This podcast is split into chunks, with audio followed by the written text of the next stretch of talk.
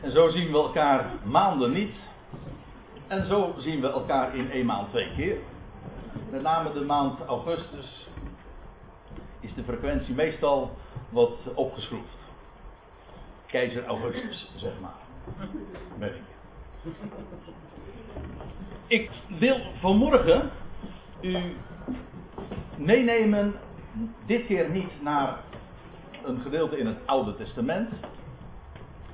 De vorige keer hebben we het gehad over Laulunen, herinnert u zich nog? Over Psalm 115. Maar vanmorgen neem ik u mee naar een gedeelte in de brieven van de apostel Paulus. En wel de brief van Paulus aan de Colossers. En laat ik meteen dan even goed aangeven waar het dan kortweg over gaat. Wel, de schrijver is dus Paulus. De geadresseerden zijn de Colossers, of sommigen noemen het, en in de meeste Bijbel staat er ook de Colossensen, maar dat uh, hangt er maar vanaf welke weergave je prefereert. En Colossensen of Colossers wonen uiteraard in Colosse, een stad die vandaag niet meer bestaat. Al eeuwen niet meer trouwens.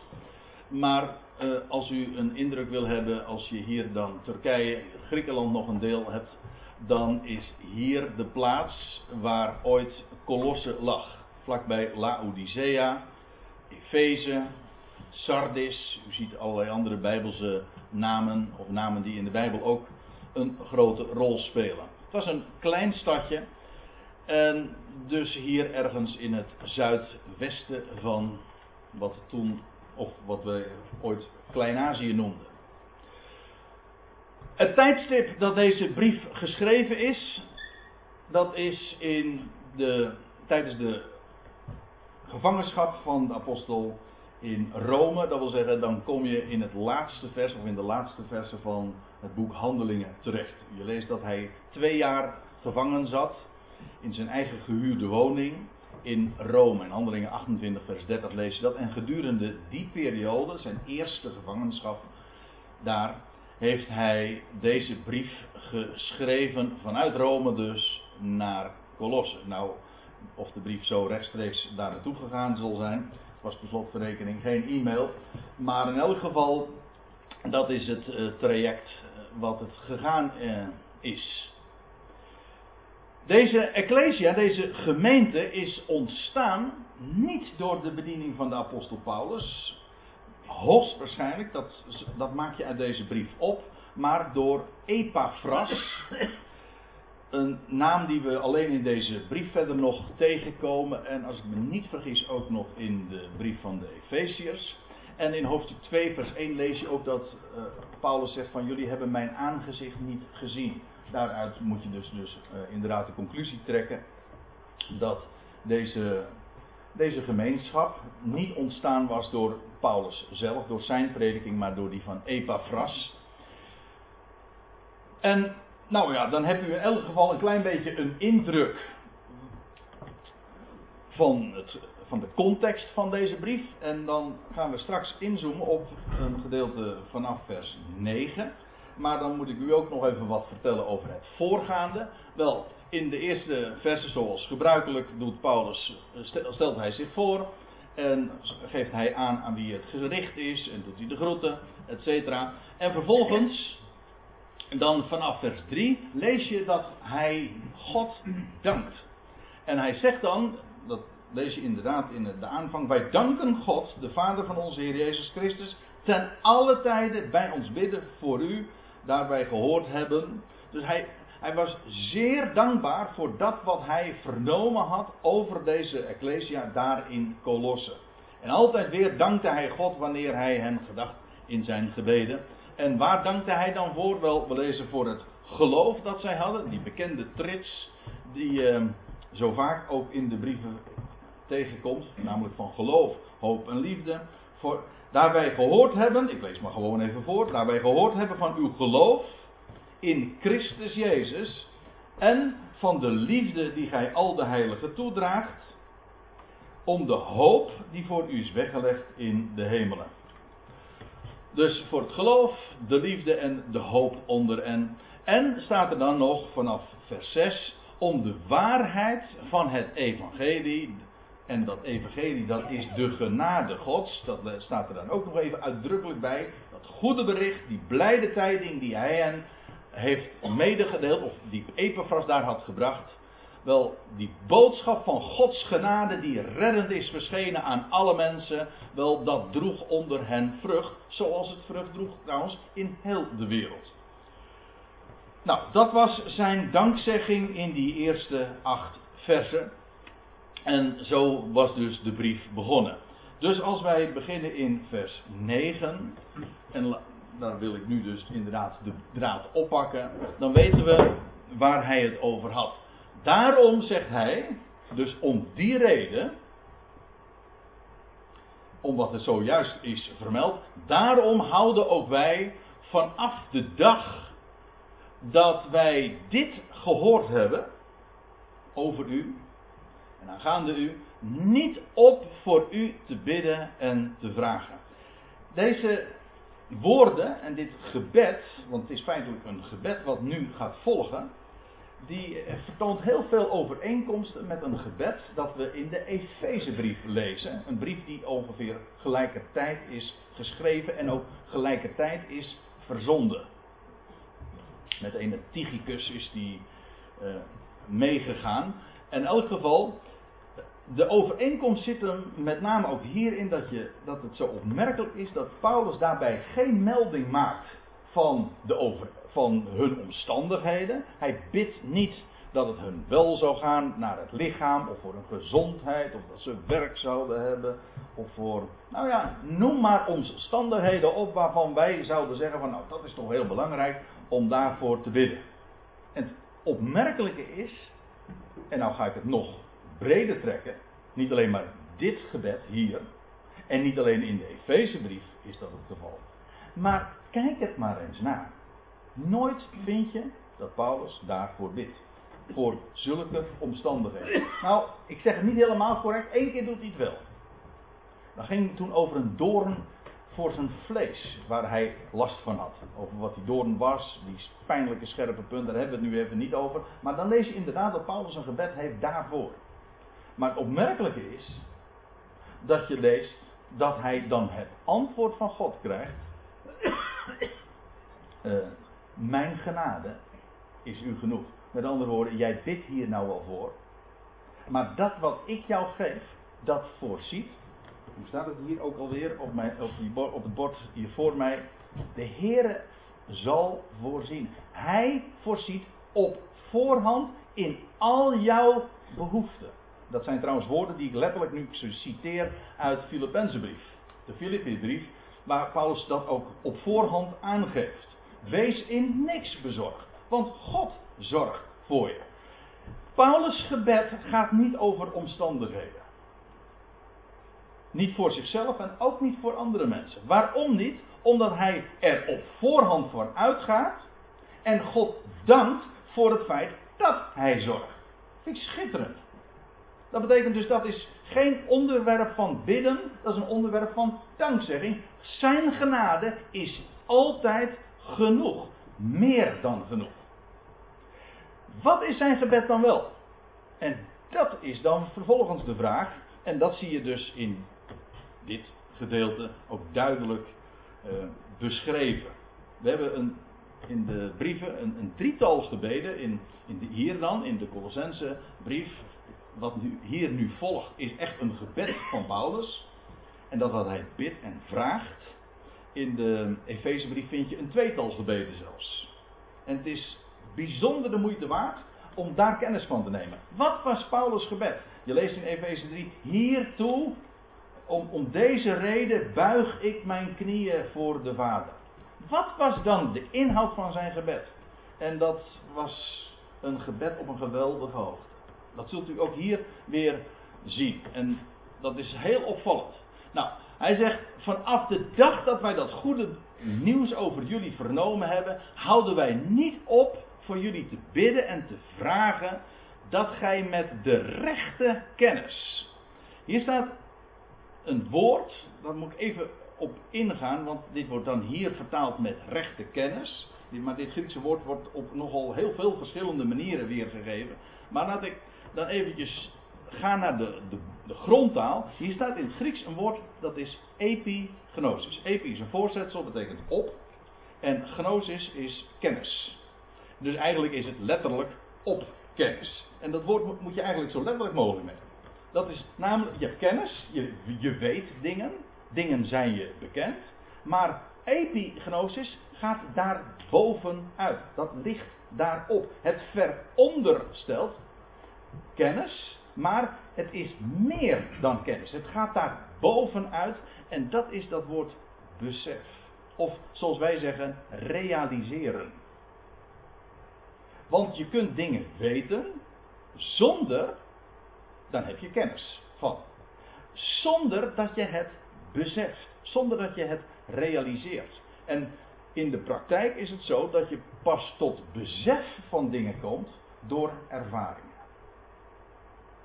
Kijk, je kunt uh, lezen over de bergen in Zwitserland. Als je hier in Nederland woont en je bent hier groot geworden en je hebt nog nooit een berg gezien, dan weet je van nou, ja, de, Mont Blanc is zoveel meter hoog. En je, al, uh, en je, kan, je kan er zelfs plaatjes van gezien hebben. Maar echt tot besef wat gebergte is en daar echt van onder de indruk zijn, dat krijg je pas wanneer je daar dat met eigen ogen ziet, dat beleeft. Dat zeggen we toch van zoveel dingen. Dingen moet je echt beleven. Dat, moet je, dat geldt ook voor, ja, voor een heleboel dingen. Voor het feit dat God zorgt. Voor het feit dat, dat Hij jouw vader is. De liefde van God. Eh, zijn medelijden. Dat zijn dingen. Dat, dat is maar niet alleen. Dat kun je weten. Maar als het alleen maar weten is. Dan is dat tot nog niet dit. Dat is geen epignosis. Epignosis is dat je het echt beseft. Dat je daarvan doordrongen bent. Dus een prachtig woord. Op kennis. Nou, dat is wat hij bad. Kijk, hij wist, hij heeft daar geweldige dingen verteld. Hij had er alle vertrouwen in. Die boodschap die eh, onder hen hun beslag, zijn beslag had gekregen en wat bij hen geland was. Maar nou bidt hij ervoor dat ze het niet alleen maar zouden weten, maar echt ook besef zouden krijgen. En we zullen straks ook zien dat ze zouden groeien in besef. Niet alleen maar groeien in wetenschap, dat je dus meer informatie, als ik het even heel uh, klinisch mag zeggen. Het is maar niet alleen een kwestie van informatie vergaan, er steeds meer dingen weten. Dat is prachtig, als je ingelicht wordt, op de hoogte gesteld wordt. Vind ik ook wel een erg mooi woord, hè? op de hoogte gesteld wordt. Natuurlijk, en we komen daar straks trouwens nog even op terug. Maar dat je echt tot besef daarvan komt. Daarvan doordrongen wordt. En dat merk je aan mensen. Als je of iets alleen maar wetenschap is, of het echt ook besef is. En vaak zijn het, uh, het, het kan ook lijden zijn. Ik zeg vaak, maar ik denk zelfs dat je tot besef, niet tot besef kan komen, dan alleen juist door lijden. Dan kom je werkelijk tot besef. Ik moet zomaar denken aan, aan de figuur van Job, van wie we lezen dat hij, je leest in het begin al van het boek dat hij God kende, God diende. En dan zegt hij aan het einde van het boek: Slechts van horen zeggen had ik van u vernomen. En maar nu hebben mijn ogen u aanschouwd. Dat wil zeggen, het was eigenlijk alleen maar kennis. Ja, hij wist het wel, maar het was tweedehands. Als ik het zo mag zeggen. Zelfs al geloof je het, al, al vertrouw je erop, maar dat het toch niet echt wij zeggen dan, dat kwartje is nog steeds niet gevallen. Dat is ook dubbel vijf, hè? Vijf maal vijf. Niet waar, Johan? Dat kwartje. Een heitje. Genade. Ja, sorry, ik kan dat. Uh, zulke associaties leg ik dan weer. Maar goed. Hij bad dus voor besef dat jullie met. Gij is hier meervoud. U ziet dat in die interlineair ook. U moet vooral letten op die middelste regel. Die is soms wat erg uh, lastig, omdat het woord voor woord is. Maar dat is de precieze gedachte. Dat jullie vervuld worden met vervuld. Hè? Let op, niet maar een beetje. Vervuld worden met besef van zijn wil.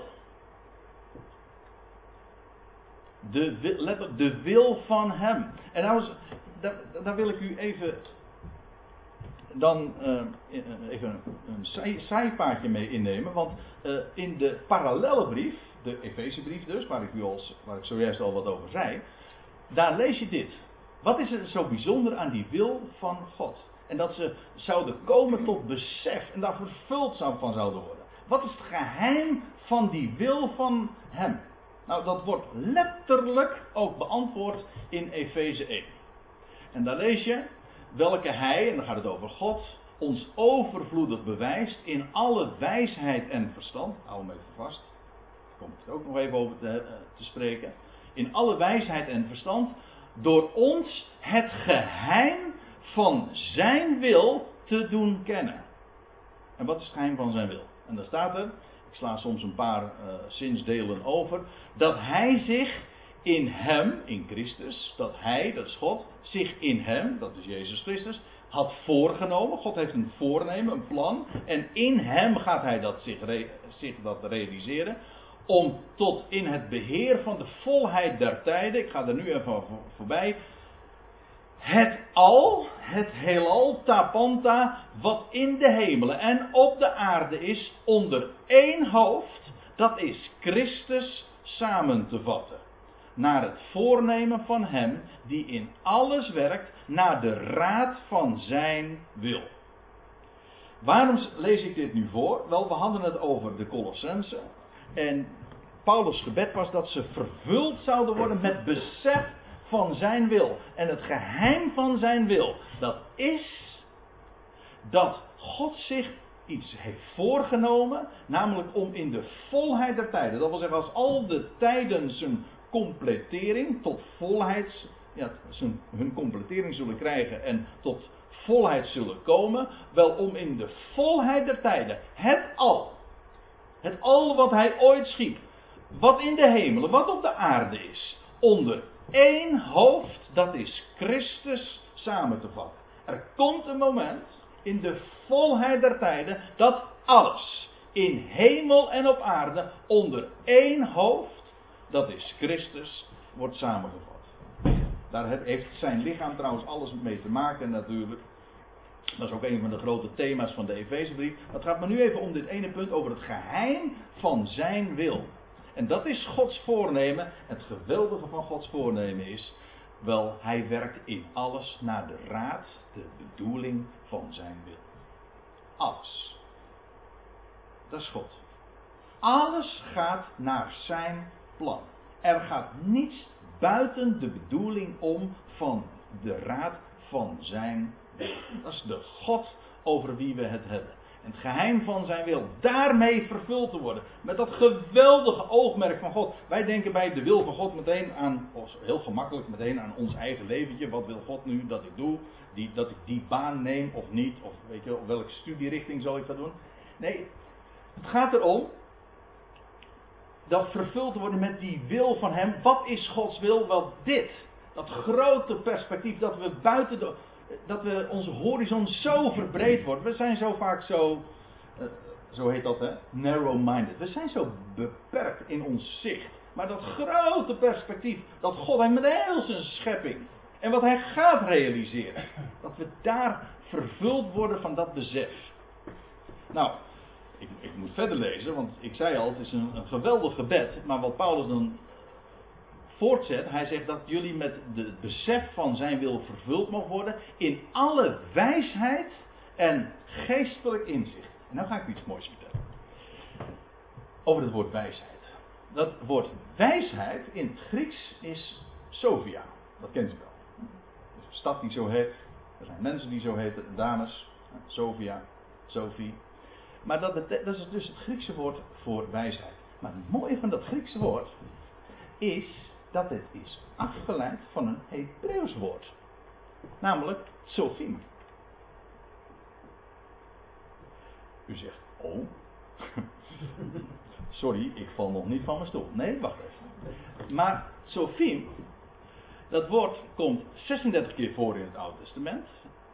Geef meteen eventjes de stroomcode erbij voor degenen die het willen opzoeken. En dat woord, ik, ik ga, u drie voorbeelden geven waar dat woord Sofim wordt gebruikt. De eerste is 1 Samuel 14 vers 16. Zo'n paar willekeurige voorbeelden. Daar lees je over de uitkijkposten van Saul te Gibea. Hier wordt dat woord Sofim vertaald met uitkijkpost. Ik geef u nog een voorbeeld. Hooglied 7, vers 4. Er staat de toren van de Libanon uitziende op Damascus. Sophie. Sophia. Micha 7, vers 7. Maar ik zal uitzien naar de Heer, staat daar. Hier staat weer dat woord Sophie. Wat is wijsheid? Wat is Sophia? Gewoon als je het even terugbrengt naar zijn oorsprong, naar waar het vandaan komt, dat, He dat Hebreeuwse woord. Wijsheid, dat heeft te maken met uitzicht.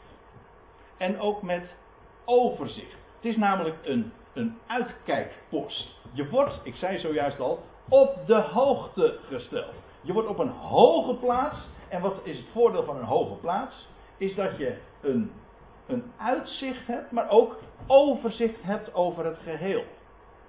Dat is dus meer dan kennis. En informatie. Dat, je kan wel dingen weten, maar dat, wil dat is wat anders. Je kan zelfs een specialist zijn. U weet wat een specialist is, hè? Dat is iemand die bijna alles weet over bijna niks. Dat is een specialist. Maar dat is, dan heb je nog geen overzicht. Overzicht heb je als je ook het verband van de dingen verstaat begrijpt wat, wat het een verband houdt met het ander. Dat je het totaal overziet. Dat is dus meer dan kennis. Weten. Het is dat je het begrip hebt en overzicht, maar vooral dat. Uitzicht. Wijsheid heeft te maken met uitzicht en met overzicht. En dan zie je ook waarom wijsheid vandaag zo, zo schaars is. Want mensen hebben geen uitzicht. Nee. Uh, maar dat, is logisch. Men kent God niet. Men ontkent zijn bestaan. Maar als, je, als, als er geen God is, als alles louter toeval is, betekent dat het bestaan volstrekt zinloos is. Het is niet bedoeld, er is, geen, er is niet iemand die daar een, die een voornemen tot ontwikkeling brengt en een doel heeft. Alles is zinloos. Moet je niet, dan moet je ook niet verbaasd erover zijn dat zoveel mensen een uitzichtloos bestaan leiden. Dat kun je niet oplossen met een pilletje. Uitzicht heeft te maken met op de hoogte gesteld te worden. Het heeft te maken met het kennen van God. Weten dat er iemand is die een plan heeft, een voornemen. En die jou op de hoogte stelt, zodat je uitzicht hebt. En dat je ook de samenhang van de dingen gaat verstaan. En daarom staat er ook in het boek Spreuken, meerdere keren, en in de psalmen ook, het beginsel, dat wil zeggen, dat is het uitgangspunt, daar begint het mee. Dat is niet het eind, maar het beginsel van alle wijsheid is de vrezen des Heren. Dat wil zeggen, ontzag hebben, zicht hebben op wie Hij is. Daar begint het mee. Zonder dat bestaat er geen wijsheid. Er is heel veel informatie in deze wereld. Google maar, je kunt alles vinden, maar dat is geen wijsheid. Wijsheid heeft te maken met uitzicht. En zonder het kennen van God ja, is het volstrekt zinloos. En dan kun je, juist van de week heb ik daar, ik heb er allerlei artikelen over gelezen, u hebt ongetwijfeld gehoord van die acteur en komiek die van het begin van de week overleden is. En dan kun je grappen maken en humor hebben en iedereen ligt in de deuk. Je kan plezier hebben, je kan mensen aan het lachen maken, maar zo anders dan vreugde. want er staat in het boek Spreuken, ook bij het lachen, kan het met het hart droevig gesteld zijn. Je kan helemaal in het deuk liggen. Hè, je kan een hele avond eh, de tranen in je ogen hebben van het lachen. Maar dan, dat is wat anders dan vreugde hebben. Vreugde heeft hiermee te maken. Ook met wijsheid. Wijsheid geeft vreugde. Geeft zin aan het bestaan. Geeft hart aan, aan de dingen. Je, je gaat ook verstaan dat er liefde, echt liefde is. Dat wil zeggen, er is iemand die geeft om zijn schepping Puur om niet. En die elk schepsel in zijn hand heeft. En daar een hart voor heeft. Ik, ik, terwijl ik het zeg, weet ik dat ik het alweer tekort doe. Een hart voor heeft.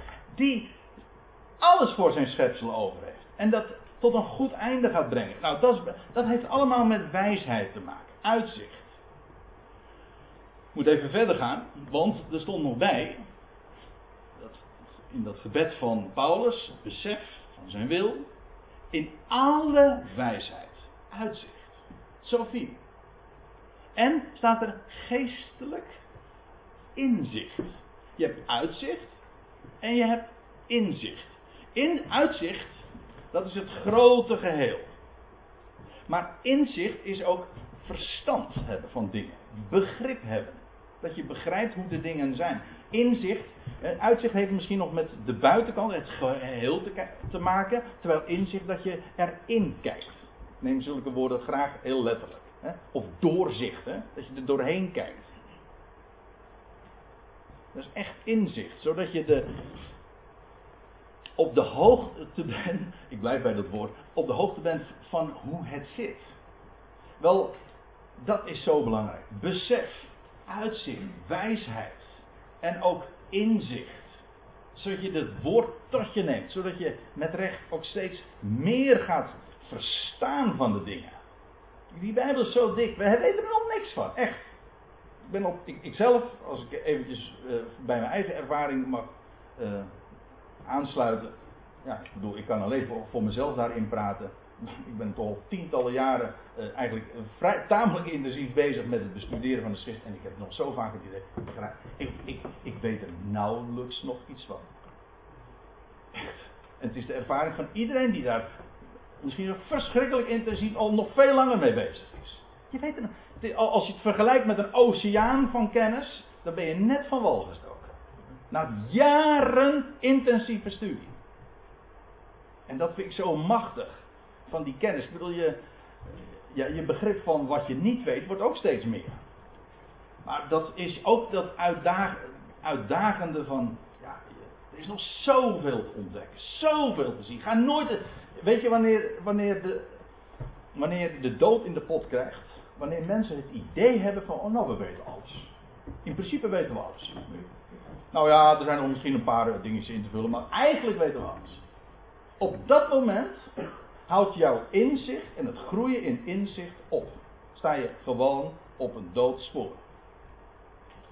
Alleen als je dat besef hebt, ik weet nog niks. Er is nog zo'n wereld te, te ontdekken. Alleen dan ben je ontvankelijk om weer nieuwe dingen te verstaan. Wijsheid, geestelijk inzicht. En daar staat erbij, en nou komen we ook bij de titel van wat ik boven op het eerste dia had geplaatst. De Heere waardig te wandelen. En ik, uh, ik heb al regelmatig in, het, uh, in mijn leven preken, zo noem ik dat dan maar, uh, dat is nooit zo complimenteus als ik het over preken heb. Moet, dat is mijn afwijking dan weer. Maar in ieder geval, ik heb preken gehoord over de Heeren waardig wandelen. En vaak was de clue ervan dat het er toch vooral om ging dat we, dat, dat we netjes, heel moralistisch, netjes en fatsoenlijk zouden leven. Nou, netjes, niks tegen fatsoen. Hè, fatsoen moet je doen. Maar, maar dat, als je het daartoe terugbrengt, of als je het zo dat begrip verstaat, heb je er van het verband al helemaal niks begrepen. Maar de essentie van de Heer waardig wandelen is. Ja, die, dat zagen we al in het voorgaande. Maar laten we ook eventjes letten op dat woordje waardig. Het gaat er niet om dat de wandel, een waardige, de Heer waardig wandelen, dat dat een wandel is waar dat wij op een andere manier onze ene eh, voet voor de andere zetten. Of dat je andere schoenen aan hebt. Of, dat is de buitenkant. Het gaat om de binnenkant. Denk even aan dat woordje waardig. Waardig heeft te maken met waarde, in overeenstemming met de waarde van iets. Je, je, betaalt, je betaalt een bedrag voor iets, voor een bepaald product, en dat is waardig. Dat wil zeggen, dit is wat het waard is. Het woord waarderen, het werkwoord waarderen heeft er alles mee te maken.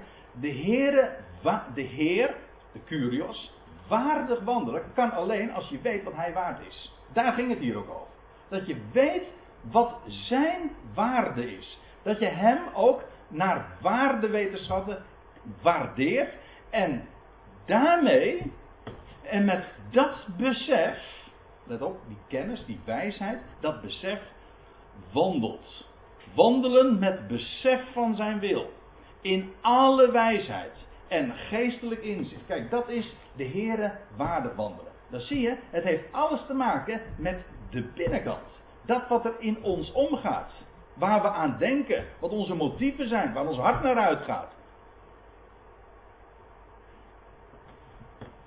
Hem in alles te behagen. Dat hem staat er eigenlijk trouwens niet. Er staat letterlijk tot in alle welgevallen, tot in alle welbehagen.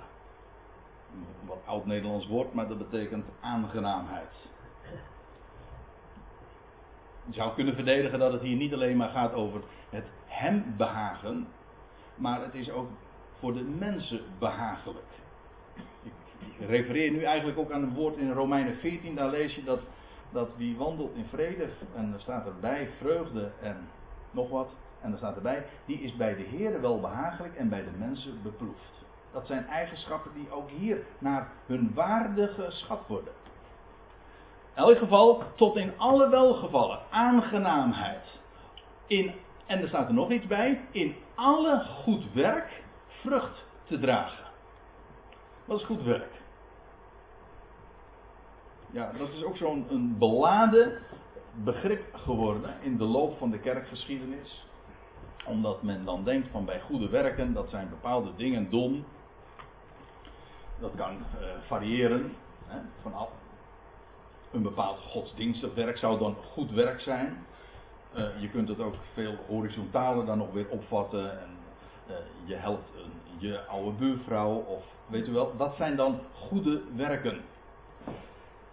Maar goede werken is maar niet een bepaald type werk, een bepaalde type activiteit. Het heeft te maken met alles wat je doet.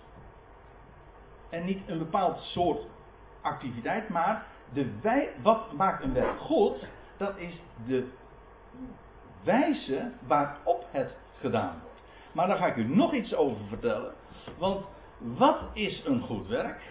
Alle, er staat hier ook bij, tot in alle goed werk, oh nee, letterlijk in alle goed werk vruchtdragend. In alle goed werk. Maar de essentie van goed werk is dat God het is die in, door en met ons werkt. En ik heb hier een plaatje van instrumenten erbij gezet. Van een hamer en een tang. En nou, wat zie je nog meer? Precies, ja. Ja, ik kan. Mijn opzomming houdt daar ongeveer op, want ik ben niet zo handig. Mhm. Maar waarom heb ik dat plaatje van die instrumenten, dat gereedschap erbij gedaan? Omdat dat precies aangeeft wat goed werk is. Wie, wat maakt werk goed? dat is dat Hij zijn werk met en door ons doet. Wij zijn gereedschap in zijn handen. Zodat je natuurlijk dan kunt zeggen dat bijvoorbeeld een hamer slaat een spijker in het hout. Maar zo zeggen we, dat die hamer is alleen maar het instrument, is die timmerman die dat werk doet en een instrument daartoe gebruikt. Wel, goed werk is dat wat Hij doet. Met ons en door ons. En als u het niet geloven wil, ik heb het bonnetje erbij gegeven. Dat is de plaats waar het wel het allerduidelijkste bij eh, vermeld staat. Nou, laat ik het maar voorlezen. Ik heb het hier voor me. Zijn maaksel, zijn maaksel zijn wij in Christus Jezus geschapen om goede werken te doen. En er staat erbij, die God tevoren bereidt. Opdat wij daarin zouden wandelen. Wat zijn goede werken? Dat is alles wat God tevoren bereidt. Wat, waar Hij uh, ons in geschikt maakt. Wat Hij dus met ons doet en door ons doet.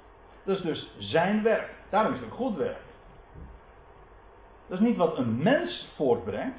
Nee, dat is wat Hij met ons kan doen. Waarbij de gedachte is: wij stellen ons beschikbaar. Je bent een instrument in zijn handen. Ga je gang maar. Dank u wel dat u veel meer, oneindig veel meer in en met mij kan doen dan ik zelfs maar kan beseffen of bidden zou. Hij kan oneindig veel meer. En weet u, eh, bij goede werk denken mensen van dat ze op hun tenen moeten gaan lopen.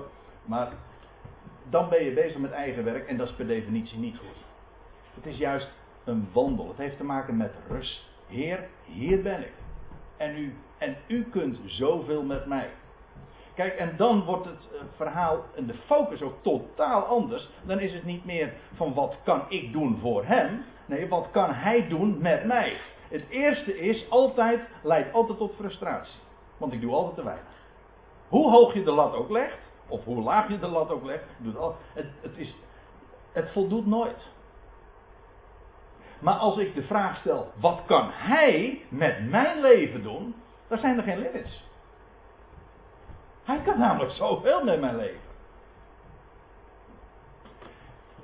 En dan in alle goed werk vrucht dragen. Als, je, als dit iets zou zijn van de mens, nou dan zou je op voorhand al er uh, mee kappen. Zeggen dat, dat is niet voor mij weggelegd. Nee, maar het gaat erom wat hij doet. Hij is, wat dacht u, dat hij niet in staat is om in ons alle goed werk te doen, en daar, zodat wij daarin vrucht dragen. Ik lees nog even verder. Nog steeds is dat dat gebed. In alles hem, in alles te behagen, in alle goed werk vrucht te dragen. En dan staat erbij, in en op te wassen, op te groeien, opgroeiende in de rechte kennis van God. Hier zie, zie je weer datzelfde woord waar we het al eerder over hadden, epignosis. Dus eigenlijk staat er, en groeiende, opwassen, groeiende in het besef van de God. Let op, er staat hier weer dat bepaalde lidwoord. De God. De God van hemel en aarde. Wel, waar het om gaat. Het begon bij besef. En waar eindigt het mee? Weer met besef. Dat we daarin zouden groeien. Dat we steeds meer besef gaan krijgen van wie God is. En dat Hij de God is. Dat Hij alles plaatst. Het woord God is, betekent maar niet zomaar eh, wat eh, veelal genoemd wordt het opperwezen. Of welke betiteling je daar ook aan zou willen geven. God, dat is Theos, dat is dat, het, Bijbelse woord daarvoor. Dat is de plaatser. Het zegt iets over wat hij iets. Het zegt alles over wat hij doet. Hij geeft alles een plek. Alles. En er is niets wat gebeurt zonder dat hij het een plaats geeft. Nooit is er iets zonder doel. En groeiend in het besef van de God, dat is het grote oogmerk van dat gebed van Paulus. Besef van zijn wil, wijsheid, inzicht, waardig daardoor wandelen. Elke stap die je mag zetten in dat besef van wie hij is. Dan krijg je, dan krijg je bestaan en leven waarde, echt inhoud. En gaat ook effect hebben van wat hij daarmee dan vervolgens doet. En vervolgens dat je daardoor ook weer opnieuw weer, het is net als een, het is maar geen gesloten cirkel, zo, dat ergens begint en dan vervolgens weer uh, op dat punt uitkomt. Het is meer een spiraal. Dat wil zeggen, je gaat misschien iedere keer hetzelfde rondje, maar wel steeds op een hoger niveau komen. En dat is hier. Het begon met kennis en daar eindigt het ook weer mee. Ja, maar inmiddels zijn we wel een paar rondjes verder. Uh, heb je veel meegenomen. En zo blijf je groeien in dat besef. Dat is een geweldig gebed wat Paulus hier bidt. Niet om de omstandigheden. Daar, daar zorgt God toch wel. Nee, dat we vervuld met deze dingen zouden zijn. Dat we in onze wandel, elke stap die we doen, dat we daarmee vol zijn. Dat is een waardevol, echt een waardevol bestaan en een waardevol leven en een waardevolle wandel. En zo wordt gij, ik moet opschieten, maar dit vers wil ik nog even lezen. Zo wordt gij met, zo wordt gij met alle kracht bekrachtigd. Hier zie je ook inderdaad dat het zijn werk is. Zo, op deze wijze namelijk, word je uh, vermogend gemaakt. Hier staat het Griekse woordje dynamis. Ons woordje dynamo, maar ook dynamiet van afgeleid is. Het heeft te maken met vermogen. Zo word je vermogend in alles. Ik Paulus zegt in Filippenzen 3, ik vermag alles. Hetzelfde woord. Vermag alles in hem die mij namelijk de kracht geeft. Zo word je met alle vermogen vermogend gemaakt. Bekrachtigd. Dat is zijn werk. Ik kan niet genoeg dat onderstrepen. Dit is niet iets van een mens. Dit is wat Paulus bidt voor hem en wat hij aan ons zou doen. En je kan, ik kan je eigenlijk ook geen betere tip geven aan uzelf, aan, aan mezelf, dan dit gebed tot een dagelijks gebed. Want dit was wat Paulus voortdurend voor de Colossers bad. Om dit gebed over te nemen. Zodat wij ook dat besef, die kennis, die wijsheid zouden hebben. Zo wordt ge met alle kracht bekrachtigd naar de macht van zijn heerlijkheid. Nou, ze zeggen wel eens een keertje: the sky is the limit. Dat is hier het geval. Hier is met alle kracht bekrachtigd. Ja, volgens welke norm dan? Wat is daarbij het criterium? Alle kracht. Van wie? Wel, naar, dat wil zeggen in overeenstemming met de kracht, of de, ja, de kracht van zijn heerlijkheid. Hoe groot is de kracht van zijn heerlijkheid? Ongelimiteerd. Er zijn geen grenzen. Dat weet u toch? Zo zingen we dat ook. Er zijn geen grenzen aan die macht van zijn heerlijkheid. Wel, als hij zijn werk aan ons doet, dan zijn daar dus ook geen limits. Dan worden we met alle kracht bekracht, bekrachtigd naar de macht van zijn heerlijkheid. Want het is namelijk hij die zijn werk doet met ons. En in ons en door ons. Wij als, wij als zijn instrumenten. En dan staat er nog bij, tot alle volharding en geduld. U ziet, dit heeft ook hele duidelijke, concrete invulling. Dat wil zeggen, en dit leidt tot bepaalde eigenschappen. En hier, er worden er drie genoemd. Ja, u ziet er hier twee, maar er staat eigenlijk dit. U, u ziet het ook in de, de NBG-vertaling heeft het wat anders weergegeven, maar letterlijk staat er dit. Tot alle verduren, niet volharding, maar verduren. Verduren heeft te maken met dat wat je allemaal overkomt. En hij is het die ons in staat stelt om dat wat ons overkomt in het leven te verduren. En staat erbij, en geduld. Dat wil zeggen, alles waar je op moet wachten. En wat maar niet gebeurt. Er zijn zoveel dingen. We wachten op. Ja, nou ja. Ik was. Ik heb al vaker hier wellicht dat verteld dat ik uh, de, regelmatig, eigenlijk wekelijks, ga ik naar iemand toe die al jaren wacht. Dat ik heel vreemd. Al jaren echt dagelijks wacht op dat moment van verlost te worden van dit lijden hier dan wacht je. Dan heb, dan heb je geduld nodig hoor. Elke dag eigenlijk hier is één, eigenlijk gewoon naar de mens gesproken te veel. En dan geduld te hebben. Geduld. Oké, okay, is misschien een extreem voorbeeld van iemand die helemaal niets meer kan. En dan toch te weten, er is één God. Die ook dit plaatst. Loopt hem niet uit de hand.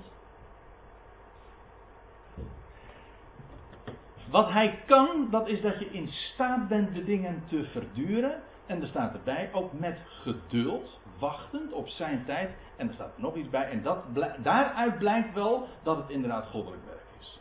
Want verduren, in staat zijn om de dingen te ondergaan. En geduld zou je nog zo kunnen opvatten als menselijke eigenschappen. Maar met blijdschap, met vreugde.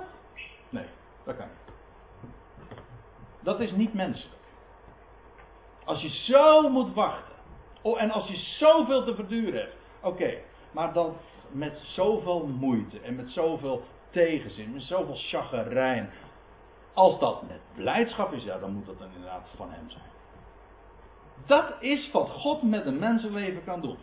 Hier, alle verduren, geduld met vreugde zelfs.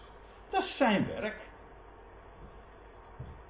naar de macht van zijn heerlijkheid. Met vreugde, hier staat het Griekse woordje charis, genade. Maar genade is niks anders dan vreugde om niet. Hij maakt je blij, zonder dat er een prijskaartje aan hangt.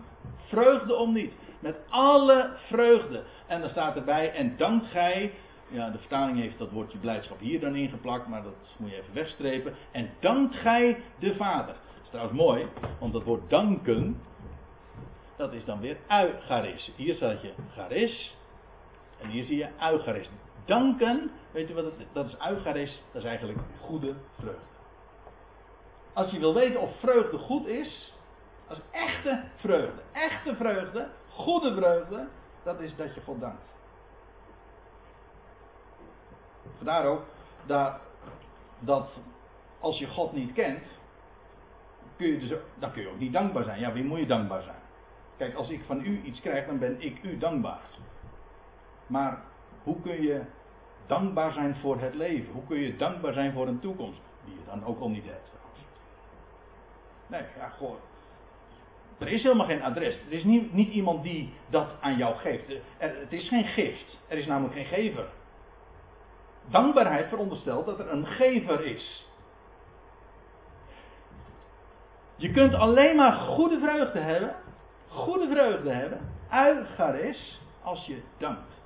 Omgekeerd is trouwens ook zo, als je God gaat danken, dan krijg je vreugde in je leven. Het ene wakkert de vreugde namelijk aan. Het maakt je besef, het geeft je besef van wat je allemaal hebt. Tel je zegeningen. Dan moet je wel weten dat zegeningen zijn natuurlijk. Dat je het krijgt. Nou ja, en dankt gij de Vader, die ene God en Vader, die u toebereid heeft, staat eigenlijk in een tijdloze vorm, die u bekwaam maakt, bekwaammakend, geschiktmakend. Je ziet het hier. Hij is het die dat doet. Ziet u, ik hoop dat dat ook als een rode draad door deze, deze woorden van vanmorgen heen loopt. Namelijk dat God het is die dat werk doet. Aan ons, door ons, voor ons. En Hij maakt ons ook geschikt. Hij maakt, en we danken daarom Hem, omdat Hij ons bekwaam maakt, toebereid voor het erfdeel van de heilige in het licht. Het erfdeel, letterlijk staat daar, u ziet het, het, het lotsdeel. Dat deel wat je ten. Ja, het, uh, het lot dat je ten deel valt, zo moet ik zeggen. We krijgen het zomaar, om niet. Het is geen keuze van ons, nee, het valt ons ten deel. Dan zie je ook trouwens dat het genade is. Wees het ook in het land van Israël, dat werd door loting aan de stammen gegeven. Het was een lotsdeel. Voor het erfenis geeft dat niet helemaal correct aan. Het is een lotsdeel. Een deel wat je ontvangt. Het valt je gewoon ten deel. Wij zeggen dan toevallig. Het valt ons toe. Het, voor het lotsdeel van de heiligen, degene die God apart zet, in het licht. Het gaat hier over de geweldige toekomst die God heeft weggelegd. Ja, voor heel de schepping, maar dat is, dan moeten we nog wel even doorlezen in Colossense 1. Dat God hemel en aarde, en waar we het zojuist over hadden, hemel en aarde onder één hoofd gaat samenbrengen. En hemel en aarde verzoent tot zichzelf door het bloed van het kruis. Maar hier gaat het over de toekomst van die heiligen. Dat wil zeggen, degene die God nu afzondert, want dat is een, wat een heilige is, de God, degene die hij nu roept, voor dat lotsdeel in het licht. Daar, in het hemelse. En hij maakt daar ons daarvoor geschikt. Hij roept. Hij maakt ons bekwaam. En hij is het ook die in ons leven ons daartoe bereidt. En ook de ogen opent, besef geeft. Wel, deze wereld leeft in de duisternis. Ik ben hier nu afgebroken, want de dia's gaan niet verder. Maar als u nu nog even verder zou lezen in vers 12 of vers 13, dan lees je: Hij heeft ons verlost uit de duisternis. Deze wereld leeft in de duisternis. Die weet niet waar ze vandaan komt, weet niet waar ze naartoe gaat. Kortom, met recht donker. En dat het heel donker dan verbinden wordt, dat is dan ook volstrekt logisch. Maar de wereld leeft in de duisternis. Als je Hem mag kennen en door Hem afgezonderd bent, een heilige, dan ben je bestemd voor dat licht. En daar wandelen we nu in. Het beste gebed dat je zou kunnen bidden, dat is wat Paulus hier ooit 2000 jaar geleden bad voor de Colossers. Het is het gebed dat ik bid voor u en voor mezelf. Zodat we werkelijk in elke stap van ons die we zetten en elke dag van ons leven gevuld is met de heerlijkheid van Hem. Wat een leven is dat.